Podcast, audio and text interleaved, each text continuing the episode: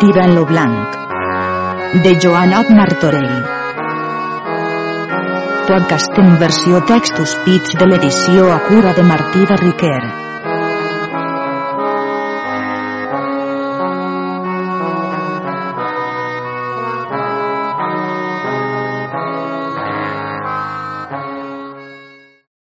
Episodi 3.15 Part tercera, tirant a l'imperi grec.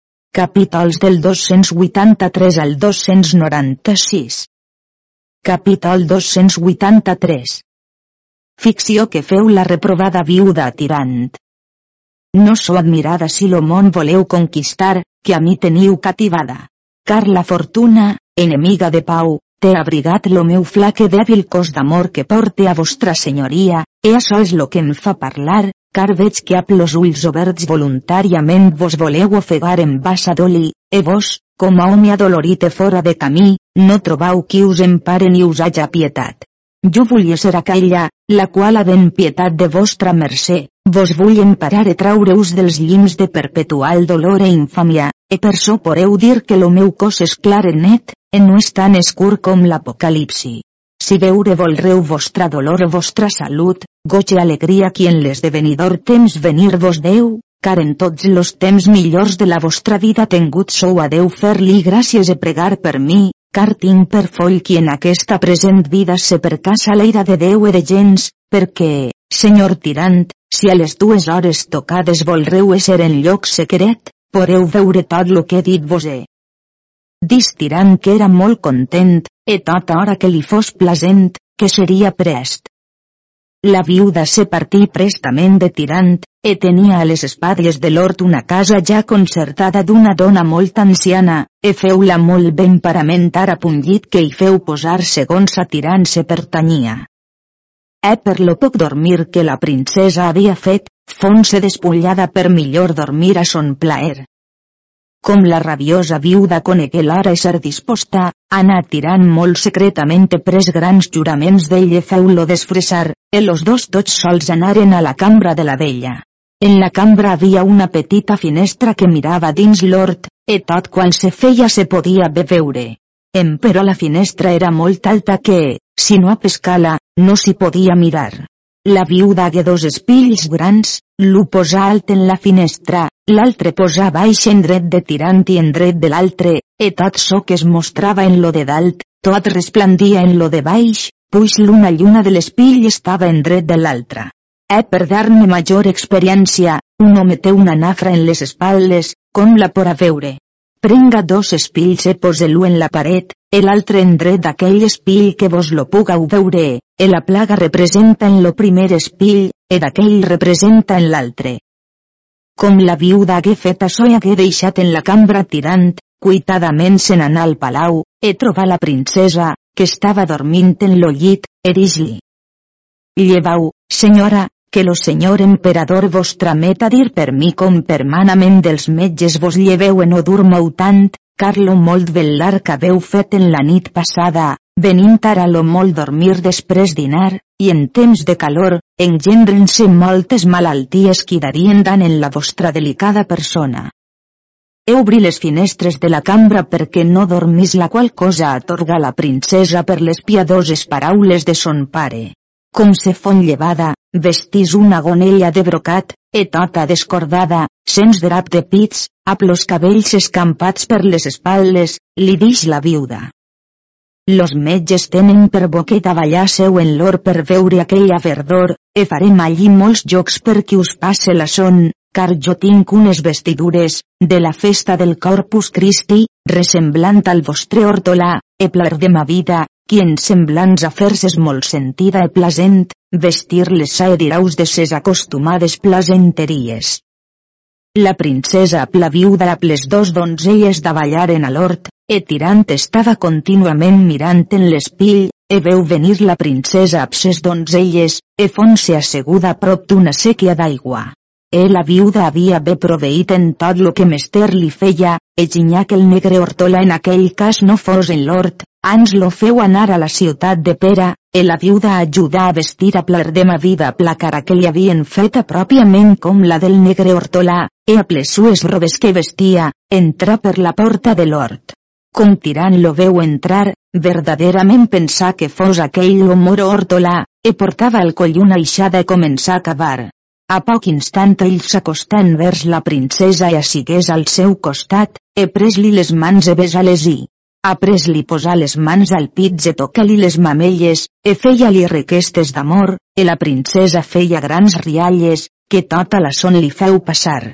Après ell s'acostà tant e posà-li les mans de just les faldes, ap alegria que totes estaven de les coses plasents que pler de ma vida d'ella. La viuda girava la cara envers tirant torcies les mans, escopia en terra, mostrant tenir gran fastig i dolor del que la princesa feia. Pensau lo mesquí desaventurat de tirant, que la un dia estava tan pompós i tan content d'haver atesa tan alta en dignitat senyora per esposada, la cosa que ell més desitjava en aquest món, après veure de sos ulls son dol, son plantes a dolor. E pensant en si, tingué dubte que los espills no li representassen fals lo que havia vist, e trencar los espills mirant dins si havia alguna cosa maliciosa que fos feta per art de nigromància, e no trobar res del que pensava. E volgué pujar alt en la finestra per veure si veuria més e a quina fi vendrien aquells afers, e ven que no tenia escala, car ja la viuda tement se'n les havia apartades, tirant, no tenint altre remei, pres lo banc davant lo llit dreçal en alt, He pres una corda que talla de la cortina, he passat-la per la viga, ell puja alt, he veu com lo negre Hortola s'emportava per la mà a la princesa en una cambra que dins l'hort havia, a on tenia la sua artilleria per a conrear l'hort per a son dormir. Epler de ma vida posant-la dins la dita cambra, cercaren-li una caixa on tenia la sua roba de vestir, e tot quan tenia li reconegueren.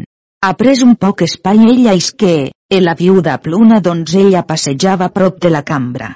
Com la veren eixir, la viuda s'acostà a la donzella, dona-li un drap de cap, e dix-li, per fer-lo joc que fos complit de rialles. Posa-lo i davall les faldes de la princesa. La donzella, així com la viuda l'havia sinestrada, confon davant s'altesa genollars en terra i posa-li lo drap davall les faldes, e la ignorància de la princesa dona lloc a la malícia de la viuda havent vist tirant un cas tan nefandíssim fon posat en un cruel pensament, e ap veu miserable, plena d'inestimable dolor, se pres a dir una tal lamentació.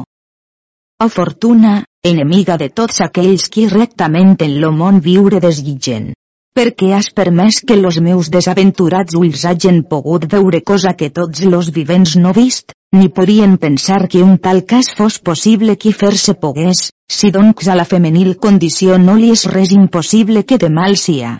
O adversa fortuna. En que te jo ofesa, que en les batalles me fase ser victoriós e triomfant, en amar solo més malfadat home que ja més naixques que ara que havies lligat en matrimoni tal, e de tan gran dignitat, que atesa la condició mia jo no n'era mereixedor sinó per esguard de mos treballs e a l'ajuda tu a jo el m'havia per casat, e tu, per més avilar-me, has permès que jo sí està deshonrat per home de la més vil condició en natura que pogués ser trobada, enemic de la nostra santa catòlica fe. O senyora princesa, ab quanta indiscreció reposa la tua ànima, que hages volgut pensar que, après que a terra que està mas lligat, que m'hages tant agreujat que no hi tingues temor de Déu i de ton pare, ni menys de mi, qui ets so marit, a qui més l'interès tocar. No creguera ja més que en donzella de tan poca edat hagués tan poca vergonya i tant atreviment, que sens temor cometés un tan abominable crim. O fortuna, com és mal contenta de mi, que en uns casos m'exalces i en altres me baixes tant. Ajustes-me a les penes novelles ànsies. Tu, sorda de poc amor, assegura los meus plans e mitiga les mies lamentacions d'infinita dolor, perquè no tinga de fer cas que après m'hagués a penedir. Oh trist desaventurat! Qualsevulla que jo sia, en les grans coses s'és mostrat, e no podem senyorejar ànimo cruel que als pròspers casos s'esguarda, que a mi, desaventurat petit servent, so tornat abominable, puix so de ma senyora refusat. En aquest punt entra la viuda reposada, qui, aturada per bon espai a la porta, havia oïdes recitar totes les lamentacions de Tirant, e dix. Ara tenen lloc les coses per mi principiades. Confondins la cambra, veu que estava molt adolorit, a plocoixible de llàgrimes, continuant en ses lamentacions, fon-se asseguda prop d'ell posant-se en avinentea, si tirant li volia dir res, d'estar presta a tot lo que li manàs. Com veu la viuda que tirant no mudava de so, comença-li de fer un tal conhort en paraules de semblant estil. Capítol 284 Conor que fa la viuda reposada a tirant.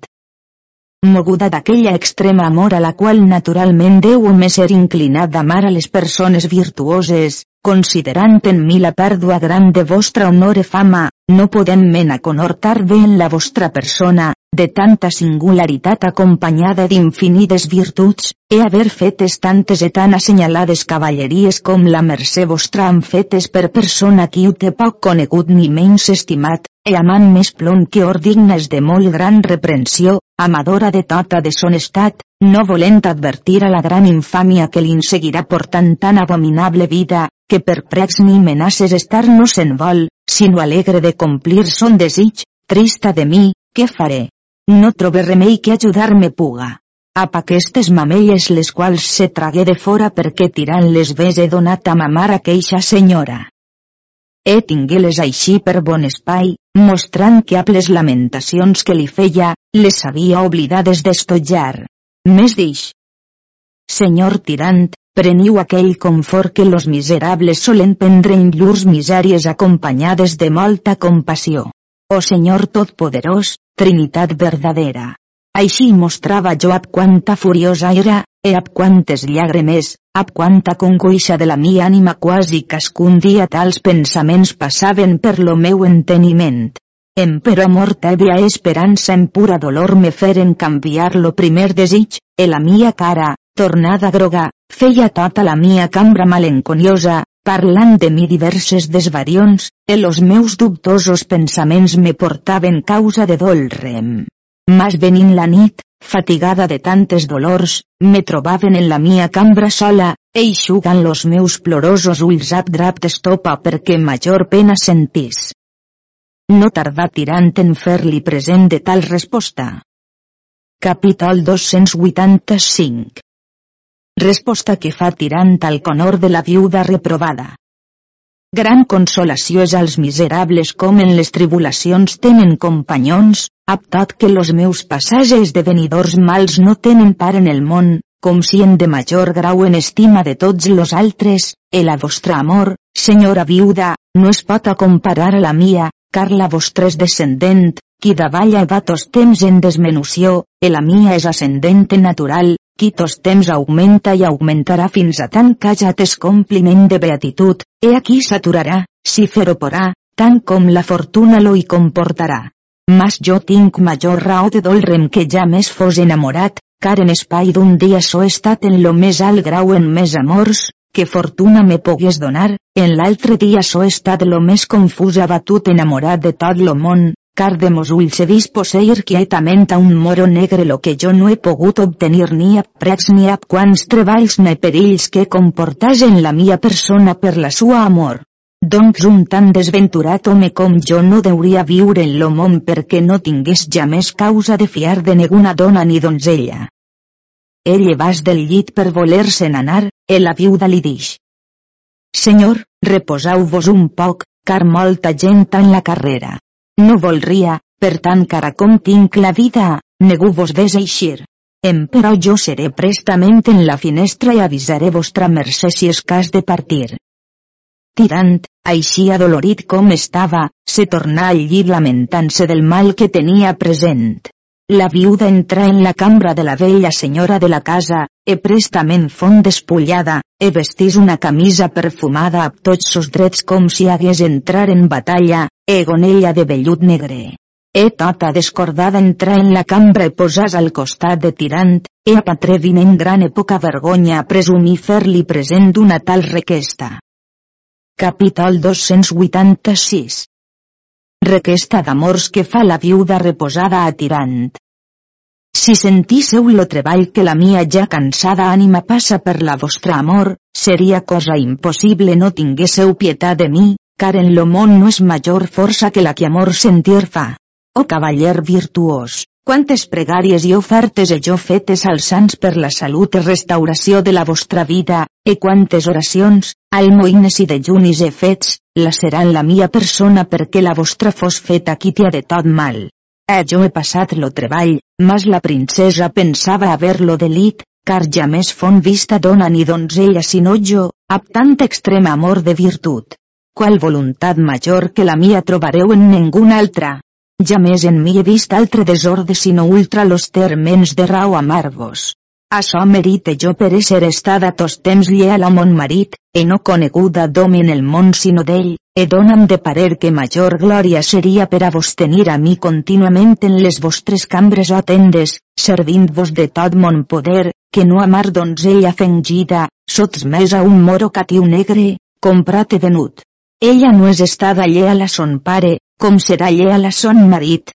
Ella ha de ser a sa mare, quan més farà son enamorat Cert, no diran les dones d'honor que la viuda reposada se sia subsmesa sinó a home que sia mereixedor portar corona real.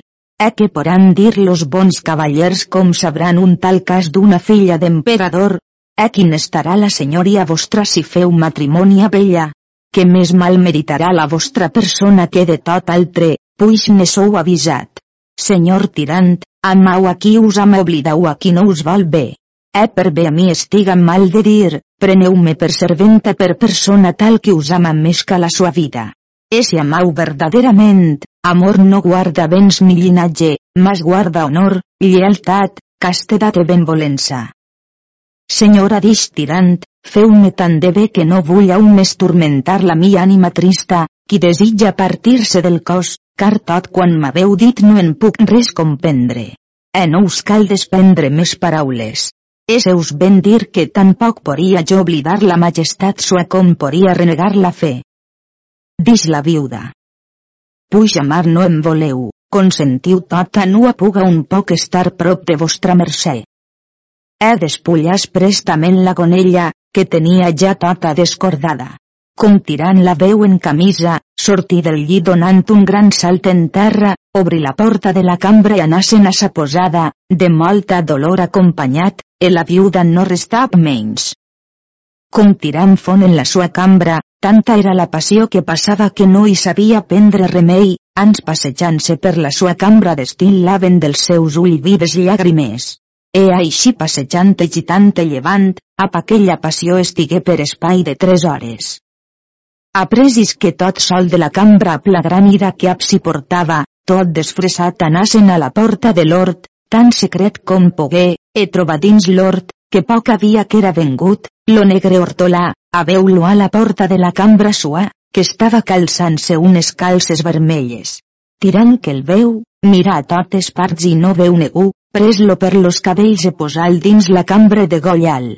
E tornassen en la sua posada que per ningú no fon vist, car tota la gent estava en la gran plaça on se feia la festa. Tirant se pres a dir, o Déu just de verdader, que corregeix los nostres de fals, jo demane venjança no justícia d'aquesta senyora tan descomunal. Digues, doncs ella sens pietat, la mia disposició no era conforme als teus desitjs, més que la del negre Hortola. E si tu, com jo creia, haguesses amat, tu fores encara mia, e no pogueres trobar qui més t'amàs de mi. E si amor així fermament senyorejas, con fa a mi, no t'era cara ninguna cosa, mas dicte que ja més no m'ha mist. Ara deixem a tirant, qui es lamenta de ses dolors, e tornem a l'emperador, qui es posa en ordre totes les tames per eixir a la festa. E arriba un correu que li porta nova d'un dolorós e desaventurat cas que tres dies havia que ser seguit en lo camp, lo qual cas era aquest que es segueix. Lo duc de Macedònia i lo duc de Pera eren capitans del camp general sobre tots los altres, e molt sovint eixien a fer armes a los turcs. Però los turcs temien molt l'aigua que los cristians llançaven, e sobre aquesta aigua molt sovint venien a les mans, e hi moria molta gent així d'una part com d'altra, però a deu cristians que morisen ne morien 300 dels turcs. A causa d'o això, com los turcs entraven dins lo territori de la ciutat de Sant Jordi, los cristians llançaven totes les aigües del riu i de les sèquies, la terra era molt argilenca, que los cavalls eixir no en podien ni menys los homes de peu, e per so mataven tants dels turcs.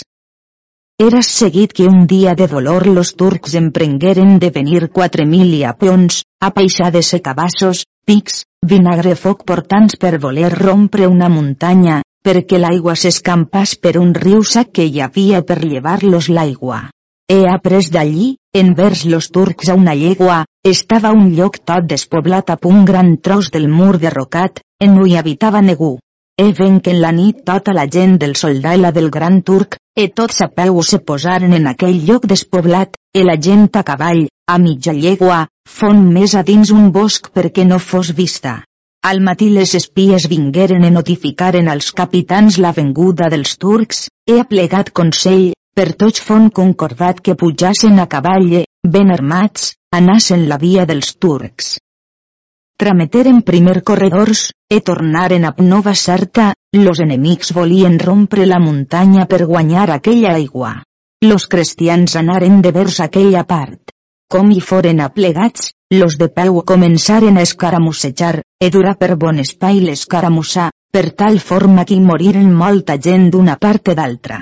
A la fi, que fon quasi migdia, los turcs, que veren que massa los estrenyien, desempararen la ferramenta posaren-se en fuita. Los cristians cuitaren al pas, qui era mitja llegua lluny d'allí, e l'aigua era tanta en aquell endret que no podien passar sinó amb gran treball i perill, basta que, com hagueren passat lo pas, los altres tingueren molt gran avantatge. Aquests, a galop tirat, deixaren tota la gent de peu atrás, e obra de qualque cinc mil homes, poc més o menys, anaren a pres d'ells seguint-los, e aquells recolliren-se dins lo lloc despoblat, mas massa font poblat en tant dels cristians. Los turcs se feren forts on estava lo mur romput. Lo duc de Macedònia dix. Senyors, a mi dona de parer que no deben passar d'ací avant, car no sabem los dubtes i los aguaïts dels enemics, car ja més no estudien ni pensen sinó en tot lo nostre dan. Lo duc de Pera, per ser l'altre capità companyó del duc de Macedònia, mogut d'extrema enveja, feu principi a un maliciós parlar. Capítol 287 Parlar maliciós que feu lo duc de Pera contra lo duc de Macedònia. Tu, duc de Macedònia, és novell en l'art militar, e molt poc experimentat en armes, car dones senyal a nosaltres venidor d'ane llançant un aspre sospir, ap infinida ira tornar a dir, lo teu cos deuria ésser donat a foc en a sepultura, per la molta infàmia que tens, e a peterna vergonya restarà en lo món de tu memòria. Ara és temps d'experimentar si en tu allò neguna virtut, ja sia que aquella en negun temps no crec l'hages posseïda. Posa la raó davant la voluntat, e tu mateix ple de temor sàviament fuig torna-te'n, que ap més delit estaràs a les dones dins la ciutat que no així, apartant-te dels perills e congoixes que en les armes se solen esdevenir, en les quals tu follament és regit. Lo duc de Macedònia, per no posar en devís tota la gent, que no haguessin a deixar los enemics per contendre a los amics, volgué comportar e haver paciència per aquella vegada, mas no pogué comportar en fer-li semblant resposta en estil de tals paraules. Capítol 288 Resposta que feu lo duc de Macedònia al duc de Pera. En duc de Pera, millor vos fora lo callar que no lo parlar, o haguésseu vos fet lo senyal de la creu, car en aquest camp ja som coneguts vos e jo qui som, he a qui han acostumat de dar les honors de les batalles, a mi, qui so duc de Macedònia, de vencedor, e el duc de Pera de ser vençut en mala estima tengut en les armes que acostuma de fer, e d'açò feu estar admirats a tots los qui en tenen d'honor. E no vulleu creure altri en vostre honor més que vos mateix, e per so com vos sentiu mal dret e manteniu poca veritat, e a vos ne seguirà gran càrrec e perpetuar l'infàmia, la qual tot bon cavaller deu esquivar, e ans arriscar e posar a l'aventura cent vides, si tantes ne tenia, anys que blasme de covardia li pogués ser imputat. E dona'm de parer que no tinga raó lo cavaller d'honor en donar les espatles com és vençut, mostra bé que té poca virtut en demanar la mort, així com la demanàs present mi, ans a pànimo viril als esdevenidors mals contrastar. E vull vos avisar que si per ventura a mi sobreviviu, qualsevulla que sia la forma de la mia amor que el meu miserable esperit me lleixarà, ab fúria gran vos iré a cercar. En aquestes raons se posaren los altres cavallers e grans senyors, e feren-los callar, e los uns eren d'opinió d'anar e los altres de tornar. E així els neprentos temps aquells qui volen tenir molts capitans, e per so dix Aristòtil que el capità deu e cervell per so compte més seny, e que sia virtuós de costumes. E deia César que lo capità devia tenir aquell consell contra los enemics lo qual serven los metges contra les malalties dels homens, los quals vencen e sobren algunes vegades ab fam, altres voltes ab ferre. Però a la fi a tots fon forçat d'anar, per so com lo duc de Peradix. Quin volrà seguir o se'n volrà tornar-s'hi en sa llibertat. E posàs primer, e tots los altres per força l'hagueren de seguir. E aplegats que foren al lloc despoblat, los turcs se posaren al mur trencat defenent-se bravament. E havia i un petit valle fon los forçat de descavalcar, e combateren molt virtuosament a les llances en les mans, car no tenien altres armes. E estant així que lo soldà lo gran turc, los uns per un portal, los altres per l'altre, prengueren-los enmig, e allí feren molt gran matança i molts que n'apresonaren, e puc dir d'aquesta trista desaventura que tots quants foren descavalcats foren morts o presos, que sol un cavaller no es pogué fer estalvi. Ap aquesta victòria los turcs se'n tornaren dins la ciutat de Bellpuig i posaren los presoners en forts presons. Aquesta no va pervengué a l'emperador estant en la gran sala esperant les dames que vinguessin per anar a la gran plaça on se feia la festa.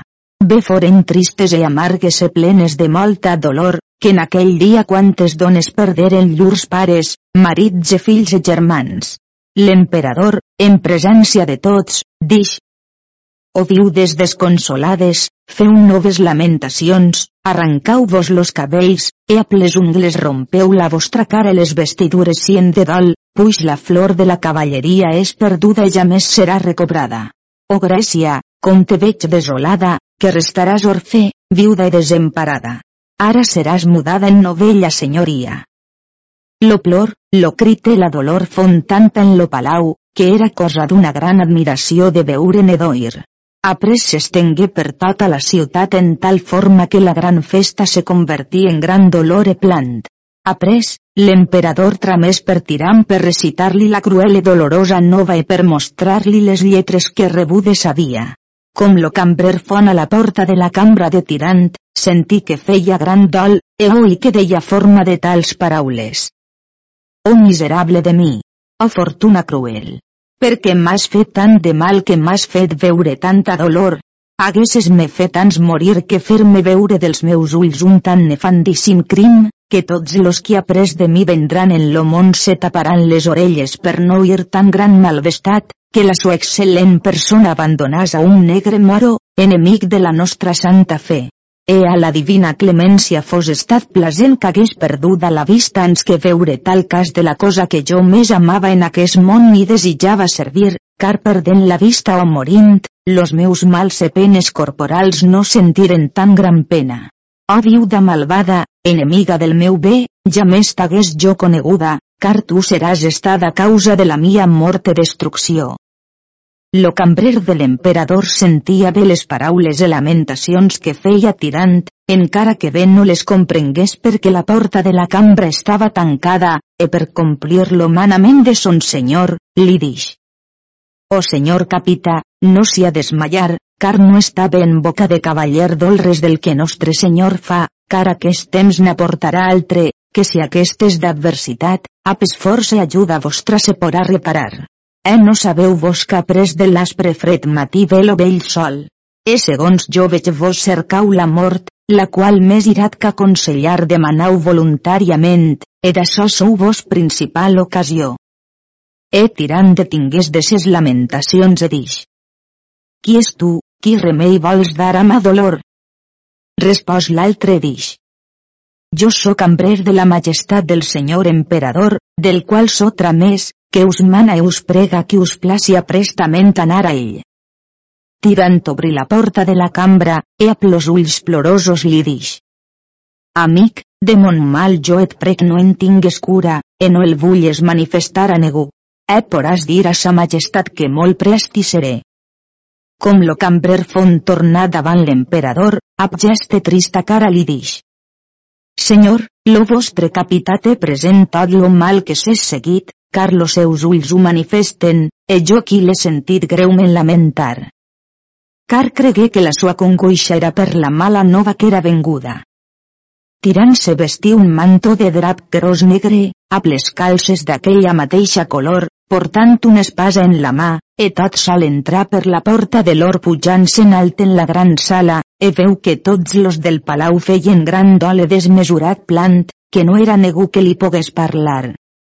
Entra la dolorit capita dins una cambra, e veu la princesa agitada per terra, amb tots los metges qui entorn li estaven per tornar-li la perduda sanitat tirant-s'hi a costar, e com la veu en tal punt estar, lo cor no li pogué comportar que no digués. Per què deixau morir aquesta senyora sens pietat?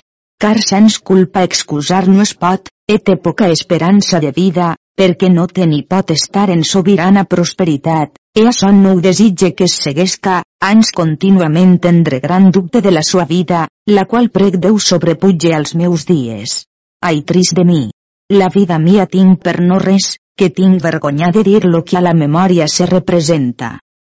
Los metges no ho entenien, ans se pensaven que per la mala nova ho deia. E Tiram pensava que tots plorassen per dolor de la princesa. Fonse girat al través, e veu l'emperadriu que tots los vels s'havia romput sobre lo cap, e davant, la cordonera de la gonella tota rompuda, e la camisa, que totes les mamelles li parien, arrapant-se los pits de la cara, donant de grans crits ella a totes les donzelles, dient a paltra veu. Ara nos covendrà totes esser catives lligades a forts cadenes. Qui serà que de nosaltres vull haver mercè?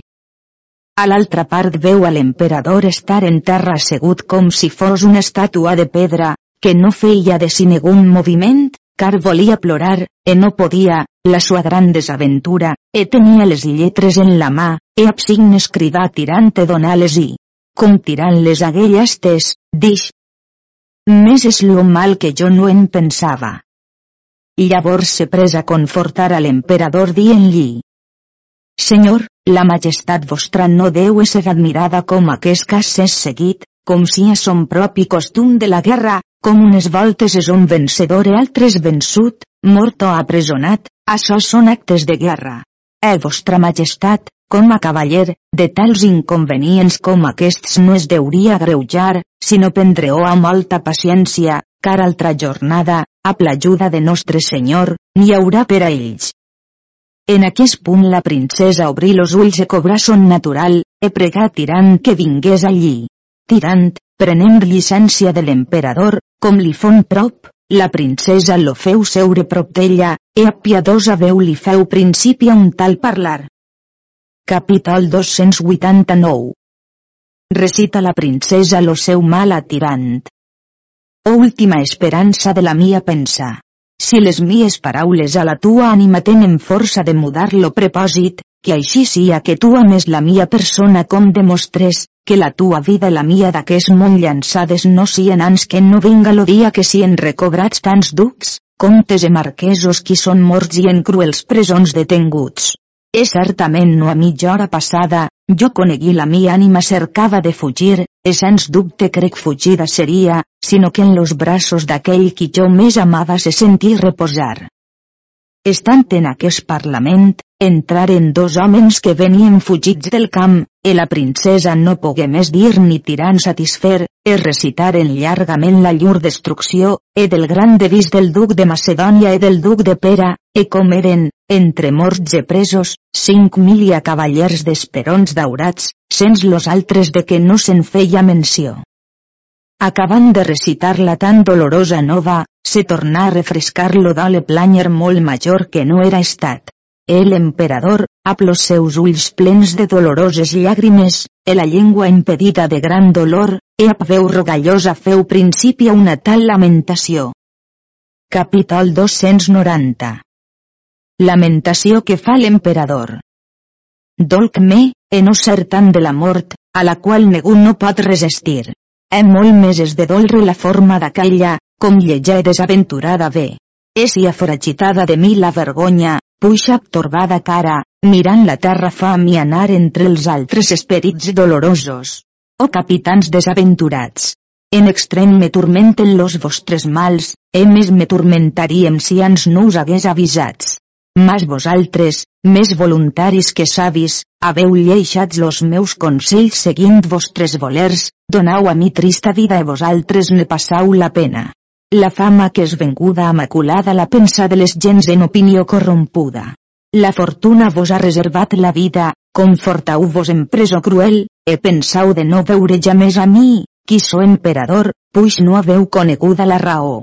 Temprau les vostres tristes congoixes e dolors, car per força les haureu a comportar, e si no us mou la deguda pietat de vosaltres mateixos, moga-us la gran error que haveu comesa, e nova vergonya d'antiga culpa, car per doble ocasió meritament se dolen los altres cavallers que en la culpa vostra no participen, e més me dolc de la rompuda fe de les mal servades lleis.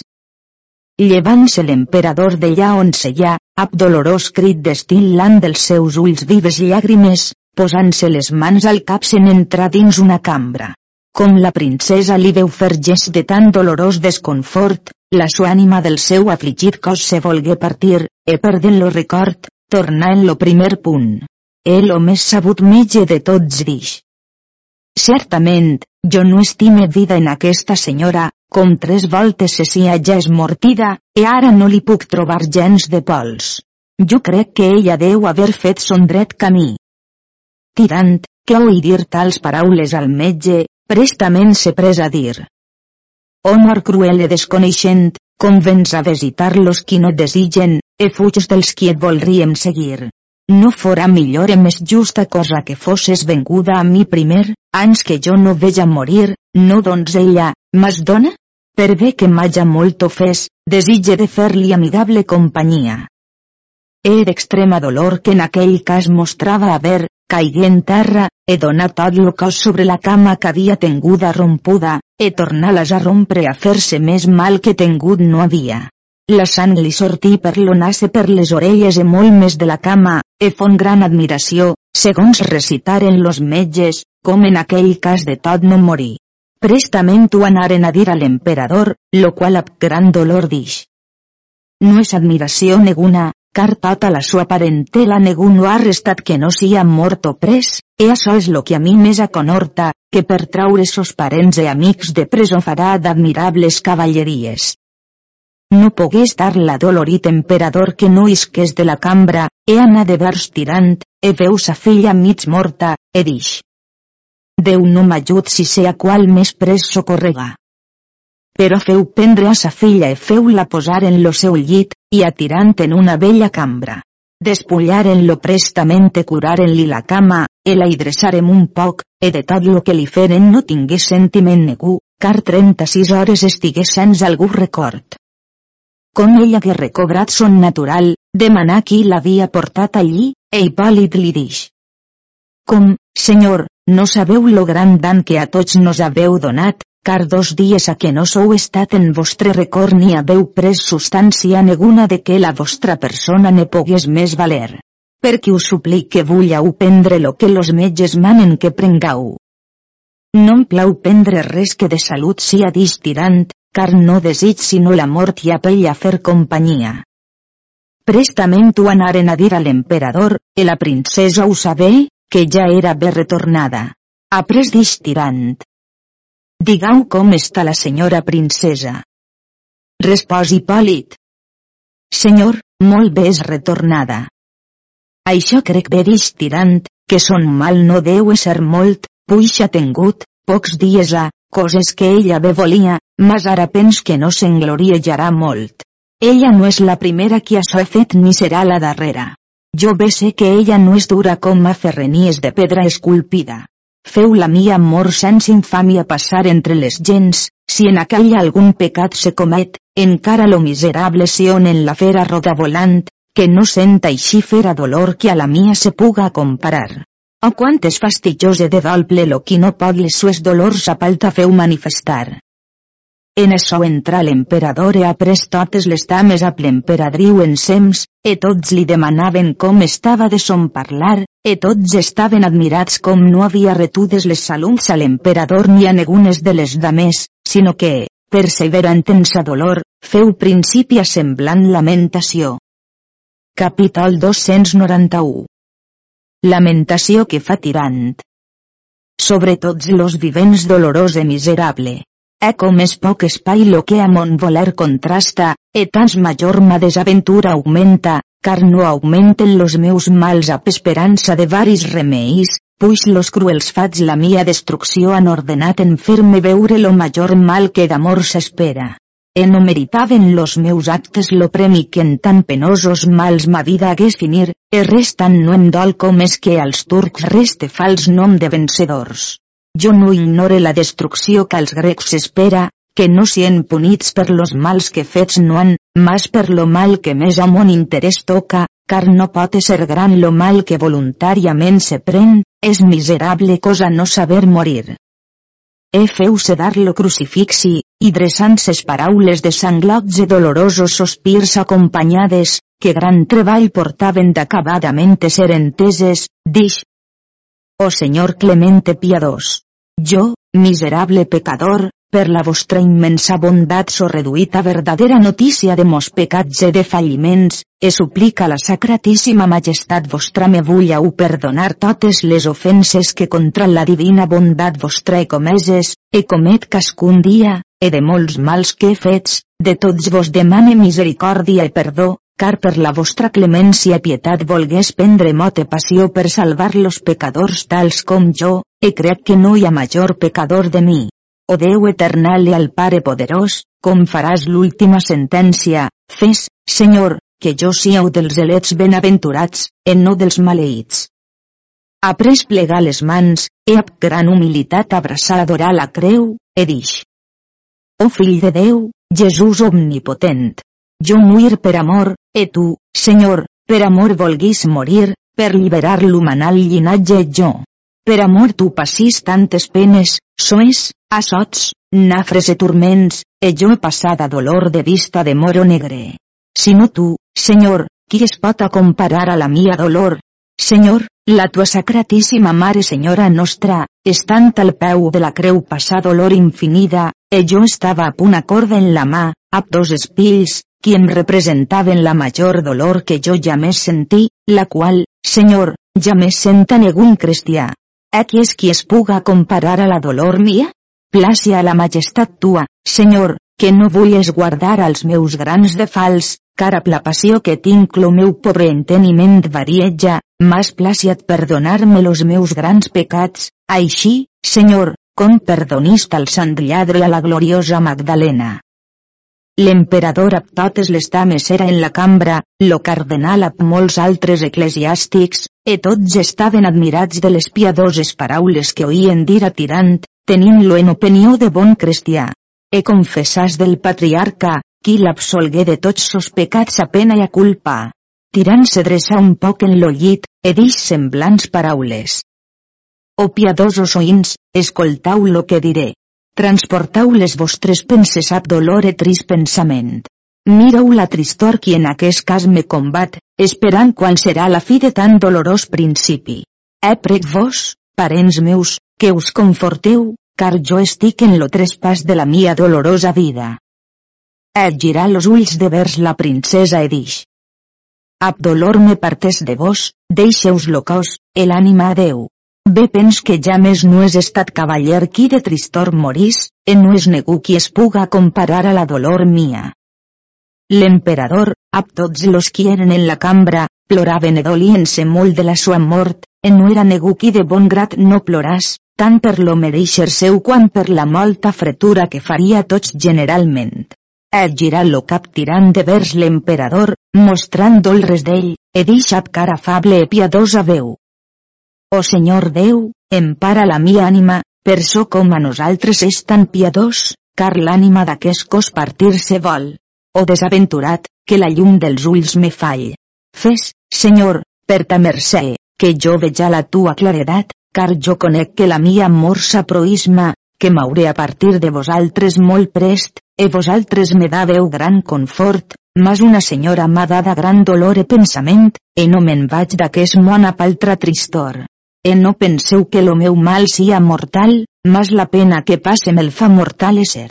Digau, senyor emperador, qui farà per l'altesa vostra les forts e cruels batalles, ara que tots los bons cavallers són presos, el vostre servidor e qui més vos desitja servir, tirant, sia mort, lo qual amava més a la majestat vostra que a tots los prínceps del món.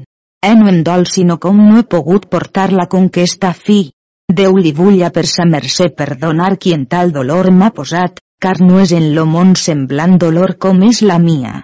O senyora emperadriu, e del món la més alta en dignitat. Ja més pensient de servir vostra altesa, ans de tot mon cor i voluntat desitjava augmentar l'estat vostre la corona de l'imperi grec. Si en res vos he fet de falt, vos demane mercè perdó. E a vos, senyora princesa, que del món sou la tramuntana on tots los mariners prenen govern, tant com la vida m'hagués acompanyat tos temps fora estat en ajuda vostra contra aquells qui ofensa vos volguessin fer, mas ja no puc altra cosa fer-ne dir sinó dolren del que vist. Mas, qui pot dir que ja més tal dolor haja sentida com és la mia? Après se girar totes les dames e dis-los. Senyores, pues fortuna no ha consentit que jo us pogués mostrar per experiència la bona voluntat que us tenia, perquè us prec que vulleu pregar a Déu per mi, que m'haja mercè.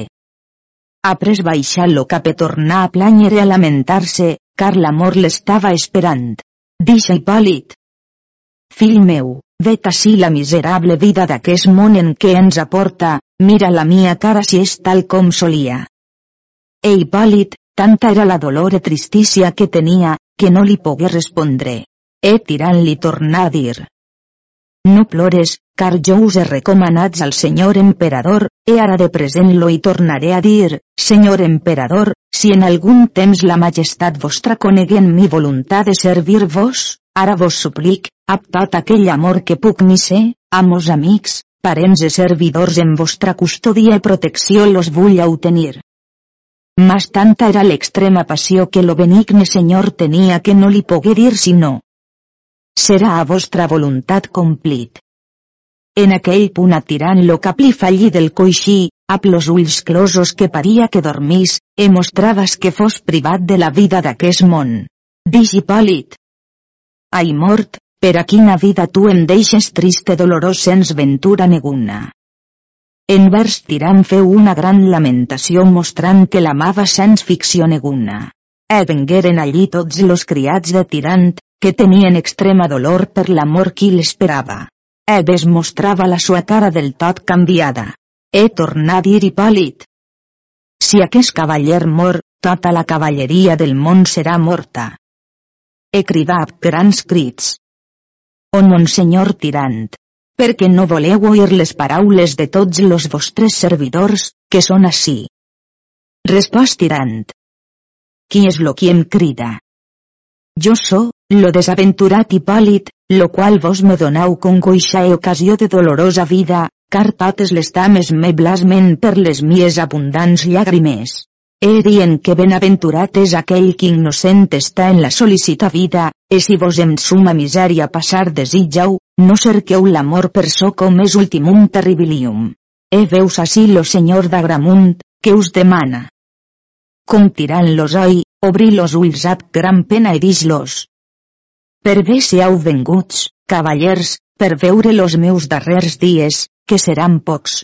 E com so en record de la mort, que em tinc a partir de la vostra companyia, e que no us he pogut premiar al plaer meu, més doble pena, però partiu-vos tots los meus béns aguts e per haver. E ab gran fatiga tragué la mà i donà-la a tots los parents e servidors, e a plaveu fosca se presa a dir altra volta besant e abraçant lo crucifixi. O Senyor, verdeu omnipotent, Infinides gràcies fas a la tua sacratíssima majestat con me deixes morir en los braços de mos parents i amics, e davant la majestat del senyor emperador, e de la senyora emperadriu e de sa filla.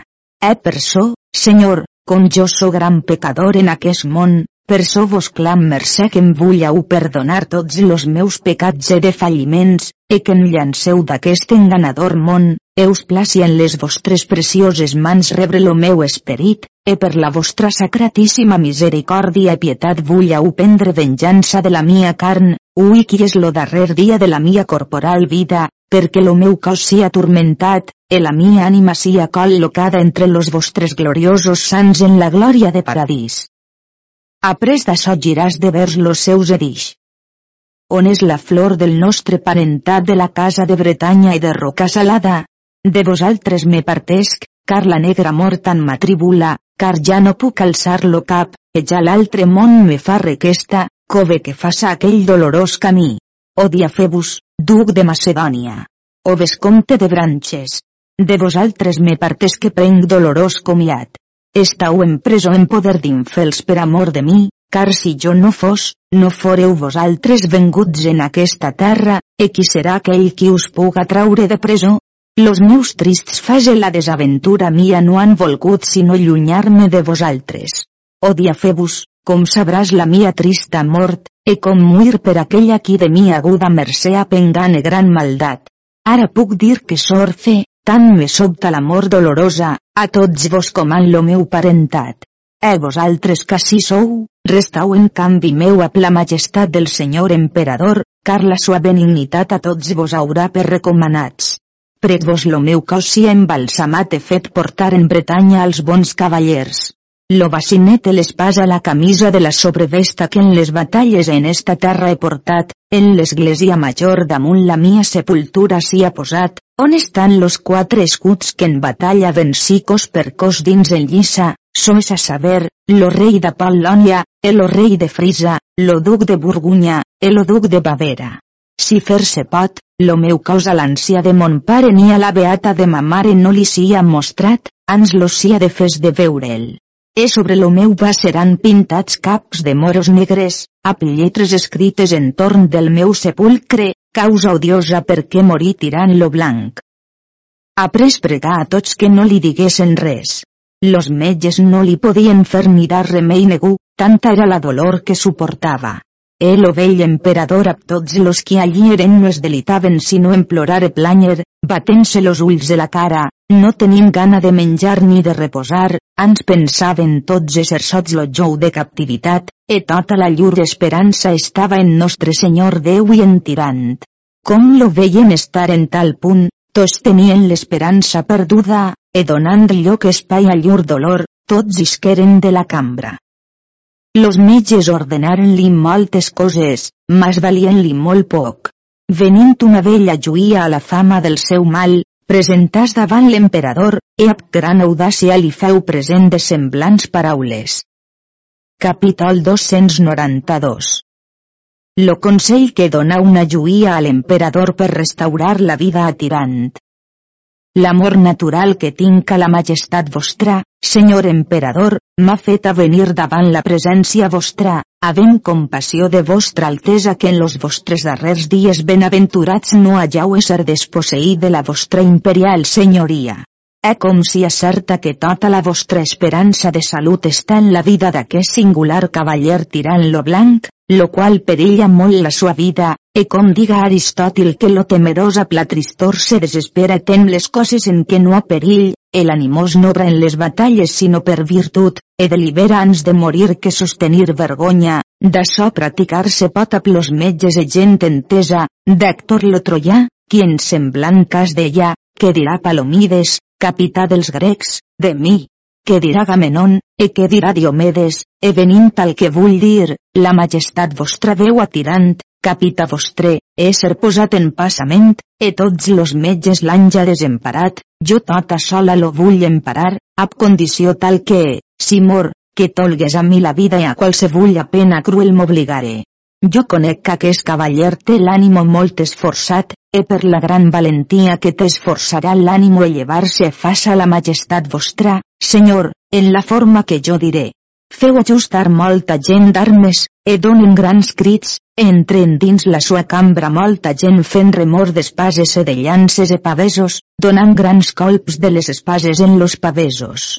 Com se despertarà i veurà tanta gent armada, e los crits que seran majors, e demanarà què és això, poran li dir que los turcs són a la porta de la ciutat, tot aquell pensament que te li fugirà, e a la virtut que ap s'hi porta, per la vergonya d'aquest món ell se llevarà.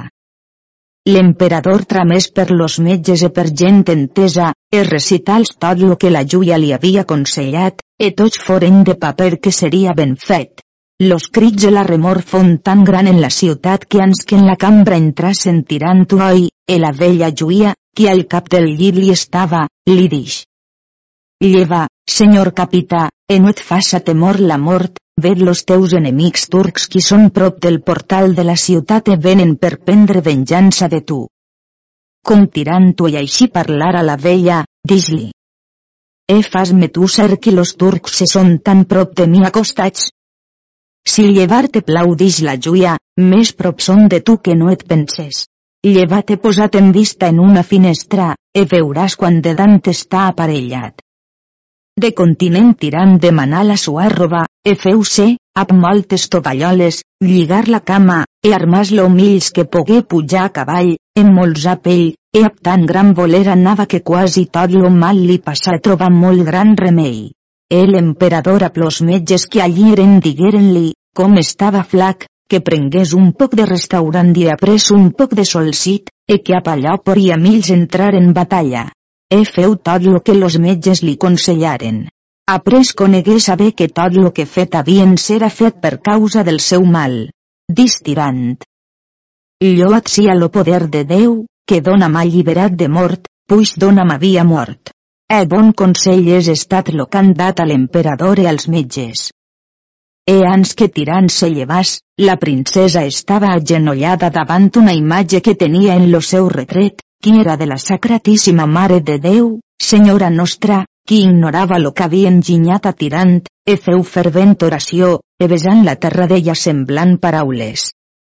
Oh Mare piadosa, Regina dels àngels e misericordiosa emperadora dels cristians, oh Iume! E prenga-us pietat de mi, que totes les mies esperances són ja perdudes, e demane l'amor puix altre remei no tinc. És i lo meu senyor mor, aquell que jo ame més que a la mia vida, vull que tothom sàpia que l'hora que jo seré certa de l'amor del meu esposat tirant, en aquella mateixa hora me daré la mort, he pres un ganivet amagal entre les faldes esperant quan li vendria tal nova, dient entre si, més val que jo execute la mia persona trista ans que de moro sia deshonrada. Jo recorrec a tu, humile piadosa dels pecadors advocada, que no permetes que jo perda lo cos de l'ànima. Com Hipòlit veu que tirant era ja vestit e demanava les armes, ap cuitats passos anar a la cambra de la princesa, e dix-li semblant paraules. Ma senyora, jo us suplic que tota dolor e congoixa que tingau, sia de vostra altesa apartada, e tots vostres mals pensaments sien reduïts en sobirana letícia, car tal nova vos porte que millor dir no la us poria. La princesa, per sobreabundant alegria, separà tal que, asseguda en terra, estigué per bon espai que no pogué parlar. Passat aquell moment, la princesa dix. És vera, així bona nova com me dius. Car del planyer me manca la llum dels ulls. Hipòlit, a paraules dignes de fe, la feu certa de tot lo fet com passava. En aquell cas la princesa tan fon lo plaer que pres que besà Hipòlit en lo fronte de sobres de contentació dels seus ulls corregueren vives llàgrimes, e Hipòlit li dix. Senyora, negu no deu plorar si no sos pecats de fals, e deu perdre treballs e oblidar aquells. E per la gran remor que en aquell cas la gent feia, Hipòlit se'n partí, e la princesa se n'anà a la cambra de sa mare, e veren tornar a l'emperador abtirant, e totes les dames se posaren per les finestres, que no els era present sinó lo mal de tirant, que de l'altre no tenien cura. Com tirant fon en dret de la finestra de la princesa alçà lo cap a plovacinet e posàs les dues mans davant la cara, l'emperadriu demanà sa filla perquè havia fet tirant tal cas de posar-se les mans davant la cara, que això no es fa sinó per descontentació d'amor. E la princesa respòs que tal cosa no sabia. Com foren passats, essent a la porta del palau, l'emperador descavalcà, e tirant pres son comiat d'ell per anar a sa posada. L'emperador feu son poder que tirant descavalcàs, que allí seria molt ben servit de tot lo que mester hagués, e tirant feu son esforç d'anar-se'n.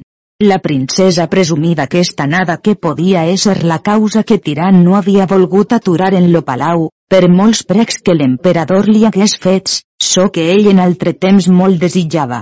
Així mateix pensar perquè sabia més les mans davant la cara.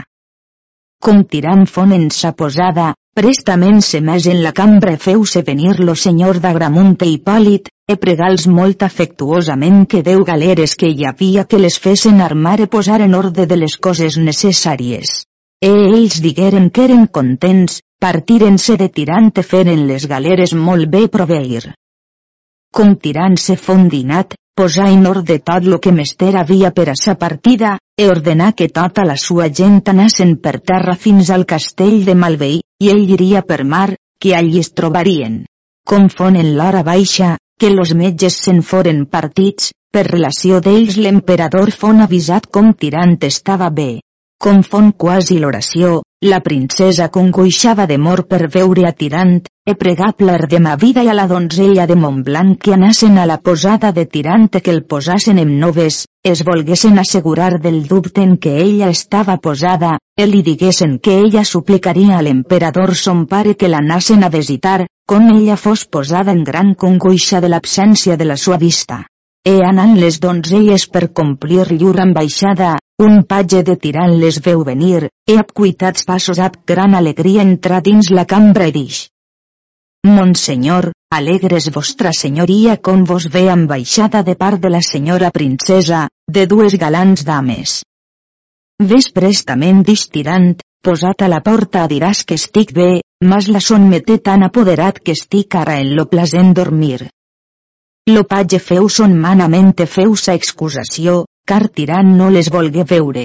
He tornades les donzelles al palau a la resposta, la princesa feu tant que l'emperador i sa mare anaren a la posada de tirant, ell, sabent que l'emperador venia, avisà a dos patges de tot lo que dir tenien mi a fer. Com l'emperador fon a la porta per entrar en la cambra, dix lo més avisat dels patges. La majestat vostra, senyor, pot ben excusar en aquesta hora de no en la cambra entrar, per lo dubtos mal en què lo vostre capità està. Com tants dies a que el seu esperit no ha reposat, ara està en consolació gran per recobrar lo que aquests dies ha fallit, e lo delit seu en aquest cas és tan gran que recobra natura lo que ha desmenuït, e de suor quasi cobert està, vos seria un metge sens despertar i degués entrar. Tirant prestament se posà en lo llit, a pundrat banyat ruixàs la cara, e feu demostració que dormia. Com metge entra, e tornar a la porta, a l'emperador dis-li. Senyor, molt gran pecat seria que en semblant cas lo despertàssem.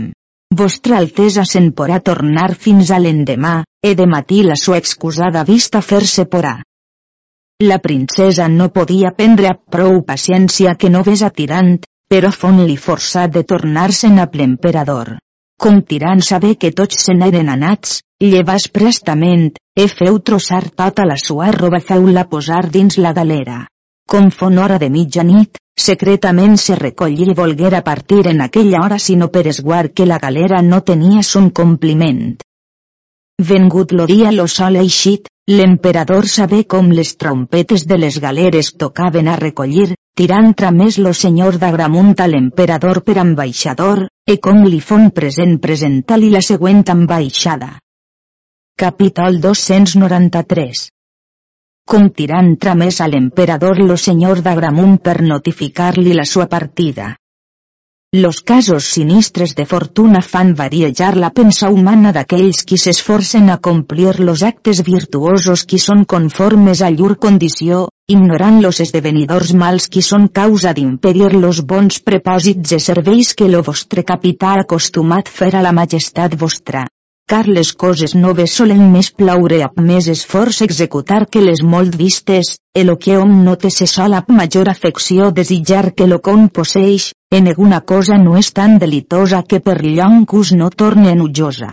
E venint al que vull dir, ap llicència de la majestat vostra lo vostre capità s'és recollit en les galeres ha ordenat per esguard de la cama d'anar fins al port de Transimeno, e ap barca pujarà fins al castell de Malvei, e la gent d'armes per terra fins en aquell lloc mateix, e significa a vostra altesa per mi la sua prompta deliberació i partida. Respòs l'emperador a paraules de semblant estil. Cavaller, molt estic consolat de la bona nova que en portau, car jo regracie molt a la divina bondat com ha donat esforç de salut al nostre capità perquè puga partir, que és la cosa que més desitge en aquest món ha pres salvació a l'ànima, car l'esperança que tinc en la sua gran virtut de cavalleria me fa oblidar tots los passats mals, e per so, com pens que serà repòs de la mia senectut, vull prendre a tirant en compte de fill. Pregau-lo de part mia que, així com fins ací ha ben obrat, ho persevere d'ací avant molt millor, car lo premi de tan gran servei serà tal que ell i tots sos parents alegrar-se'n poran. Lo senyor d'Agramunt besal de la mal pres son comiat. Après anar a la cambra de l'emperadriu e pres son comiat, e de la princesa per lo semblant. Com l'emperadriu veu que Hipòlit se'n devia partir, e la princesa, tirant, feien molt grans lamentacions, e cascuna plorava es dolia de sos mals, en especial la princesa, qui així es partís tirant d'ella sens dir-li res. Cuitadament anaren a la cambra de l'emperador per veure si era ver la llur partida, el emperador los ho recità tot. La princesa apoderà que l'emperador anàs a la mar perquè ella hi pogués anar, l'emperadriu que no s'hi tarda. Eh per quan l'emperador a plegar primer a la mar que no elles, posàs dins una gran barca entrar en la galera i pregar molt a tirant que tot l'imperi tingués per recomanat. E tirant li dix paraules molt afables fent-li oferta llargament de tot lo que el pregava, e encara més la consola per tal forma que l'emperador no resta molt content. E tots los mariners donaren de consell a l'emperador que prestament isqués en terra per causa d'un negre núvol que amb grans trons i llamps venia acompanyat, l'emperador fon tornat a terra.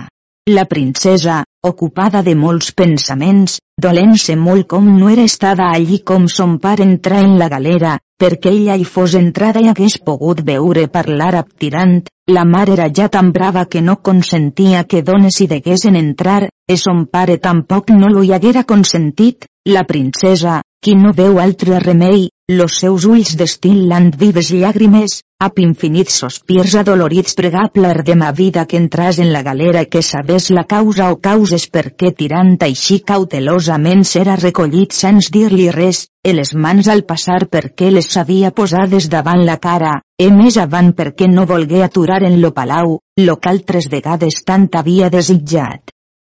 Epler de ma vida, perquè era donzella molt entesa i de bon sentiment, hagué molt bé compresa tota la intenció de sa senyora, e posàs en una barca a Pipòlit i altres qui l'acompanyaven. No comporta ésser dita la dissimulada dolor que l'emperadriu pres com veu que Hipòlit pujava en la galera.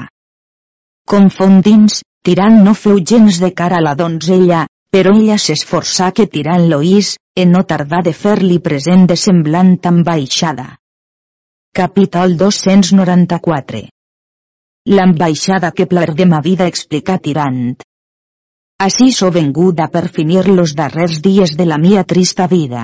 O digne de gran llaor, en lo qual natura no ha fallit. Ja per la desconeixença de la senyoria vostra no us puc oblidar, e jo no som mereixedora de tan dura punició a aconseguir, coneixent lo vostre gran renom de vostra virtuosa fama pública per tot lo món no sens gran causa és causada en mi dolorosa passió e són posats en mi dolorosos treballs, los quals per plaure altri desplaen a mi. Mas fortuna, qui tos temps és enujosa e envejosa d'així llon delite plaer, en lo qual, en lo principi de vostres amors havia trobada forma prou coberta e covinenta vostres desigs complir, a la fi la sua amor desordenada en triste dolorós plans és convertida.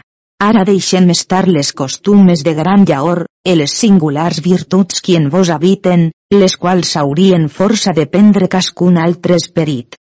Bé pot ser maleïda aquella donzella qui ha perdudes les sues paraules, que no li han respost a la sua justa intenció, omplint a mi d'infàmia miserable. O molt cruel cavaller, entre molts nobles valerós. Qui ha regirat així los teus pensaments? On són ara los precs los quals moltes vegades a mi, per restauració de la vida nostra, planyent i sospirant oferíeu, que la vostra vida i mort estava en les mies mans? On són ara los piadosos ulls ap los quals tota volta mostraven e serviç sap llàgrimes? On és l'amor que envers mi mostraveu passant delitoses paraules, e los greus treballs e congoixes que jo he presos per meus propis, en delit el servei de vostra mercè? Partir-se de tan virtuosa senyora, la més alta en dignitat i virtuts que en tot lo món sia, sens dir-li adeu-siau. La sang de Cain no com és tan gran desconeixença envers son germà Abel con vos haveu fet envers vostra esposada. Si vida dolorosa honor li volreu dar, no cau en terra ni la vejau. Si restaurar la volreu d'amargosa vida, dau-li una poca de vista de vostra senyoria. He dit això, no poden retenir les sues piadoses llàgrimes, tancàs davall lo seu mantell amb gemecs e sospirs molt dolorosos, en no dix més. Però tirant volgué satisfer en lo que plar de ma vida li havia referit, e ap baixa veu, perquè de negu no fos oït, feu principi a un tal parlar. Capítol 295 La resposta que fa tirant a plar de ma vida. On trobaré jo medicina per foragitar la mia cruel e inestimable dolor? E qui serà aquell qui confort puixa donar la gran tristor mia? Car si no, sol la mort és aquella qui dona remei a tots los mals, car perdent la vida perdré lo pensament del negre hortolà. E major dolor és la mia que no fon la magnificència de Pirro, ni la descontentació de Medea, ni la potència de Dari, ni la desaventura d'Adriana, ni la crueldat de Gigurta, ni la infàmia de Canatre, ni la tirania de Dionís. Moltes altres dolors semblants a la mia deixaré de recitar, perquè jo veig que los antics dans, cercant si en trobaré que sien els meus semblants, per so com a ben companyia me dolga menys perquè em facen mísera sepultura. Jo tinc compassió de qui em dona gran dolor, e no gose manifestar lo que em fa doldre, la qual cosa si fos de dir, no tinc dubte que, així com els altres atribulats qui es dolen, atenyen algun remei, e benaventurada pietat és aquesta. O donzella de generació ingrata, consentidora de mos mals. No ens cové a nosaltres, estrangers, fiar de negu, com totes les coses nos isquen contràries.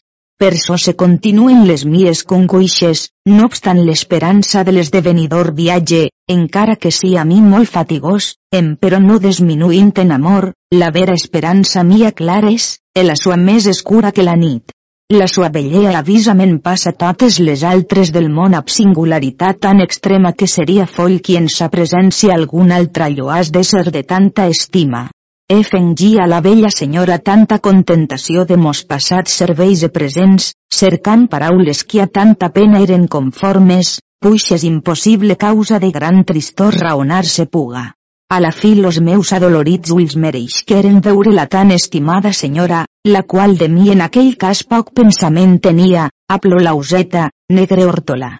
Primerament vi un deshonest besar, lo qual los meus ulls e los sentiments ofene, e majorment après entrant en una cambra, amb geste paraules d'infinida amor abraçats, mostraven haver aconseguit tot aquell plaer e delit que entre enamorats s'acostuma. E eixint per la porta la viuda reposada a punt vel de seda en la mà, agenollant-se als seus peus, davall les sues faldes ve amunt lo hi posa los dolorosos pensaments e tristes sospites que a la mia dolorosa ànima combatien per haver vist com aquell tan indignament l'havia tractada. No sé la mia mà per què en aquell cas se detingué de fer-ho mei, no vull dir en qui, mas la desaventurada paret m'ho tolgué, més amiga d'altri que no de mi. Los arbres qui de prop li estaven, tots nudaren de color per l'abominació de tan lleig cas, ell llavors digué a pirada veu, per de mil esperança, plar de ma vida, que si jo t'hagués vista confiu a la donzella de Montblanc que la viuda reposada, jo t'haguera presa per los cabells, en aquesta mar sagrada te donara de bon grat sepultura adolorida. Mas per so com no venguis davant la mia vista, te prec que prestament vulles partir davant los meus ulls, car bé pens que també deus ser consenta en la maldat de ta senyora. Mas après lo cas, ja més traure ni apartar pogui del meu ànimo la miserable gelosia, quien m'hi havia presa posada, del negre hortolà, que com a forçat no pogui resistir que l'espasa per lo coll no li passàs. O oh princesa enemiga d'honestat. Perquè temptes altre remei que morta ta dolor. Tu desitges saber mon mal, lo qual no consent, per ser tal, que sia parlat, perquè l'aire s'entrenyora de sentir-so de tals paraules, e les tues orelles haurien feré a doir lo desorde de tant amor sens comparació que al negre has mostrada, perquè et seria millor morir per reviure en esta fama, que no vivint morir en eterna infamia. Oh cruel seguretat que tu a mi fist. Per tolrem lo perill, en lo qual sols ma vida era segura, llançants-me davant los teus peus te digui la causa per on ma vida tenia avorrida, e er guardava la casta corona. Delites als atribulats si llur dolor a persona fel recitar poden, però vos, doncs ella, desesperau del meu socors per la mia persona ser absenta, car perdonar és lo meu propi ofici d'aquella infansonia de la mort, la qual igualment accepta qualsevol que ella recorre.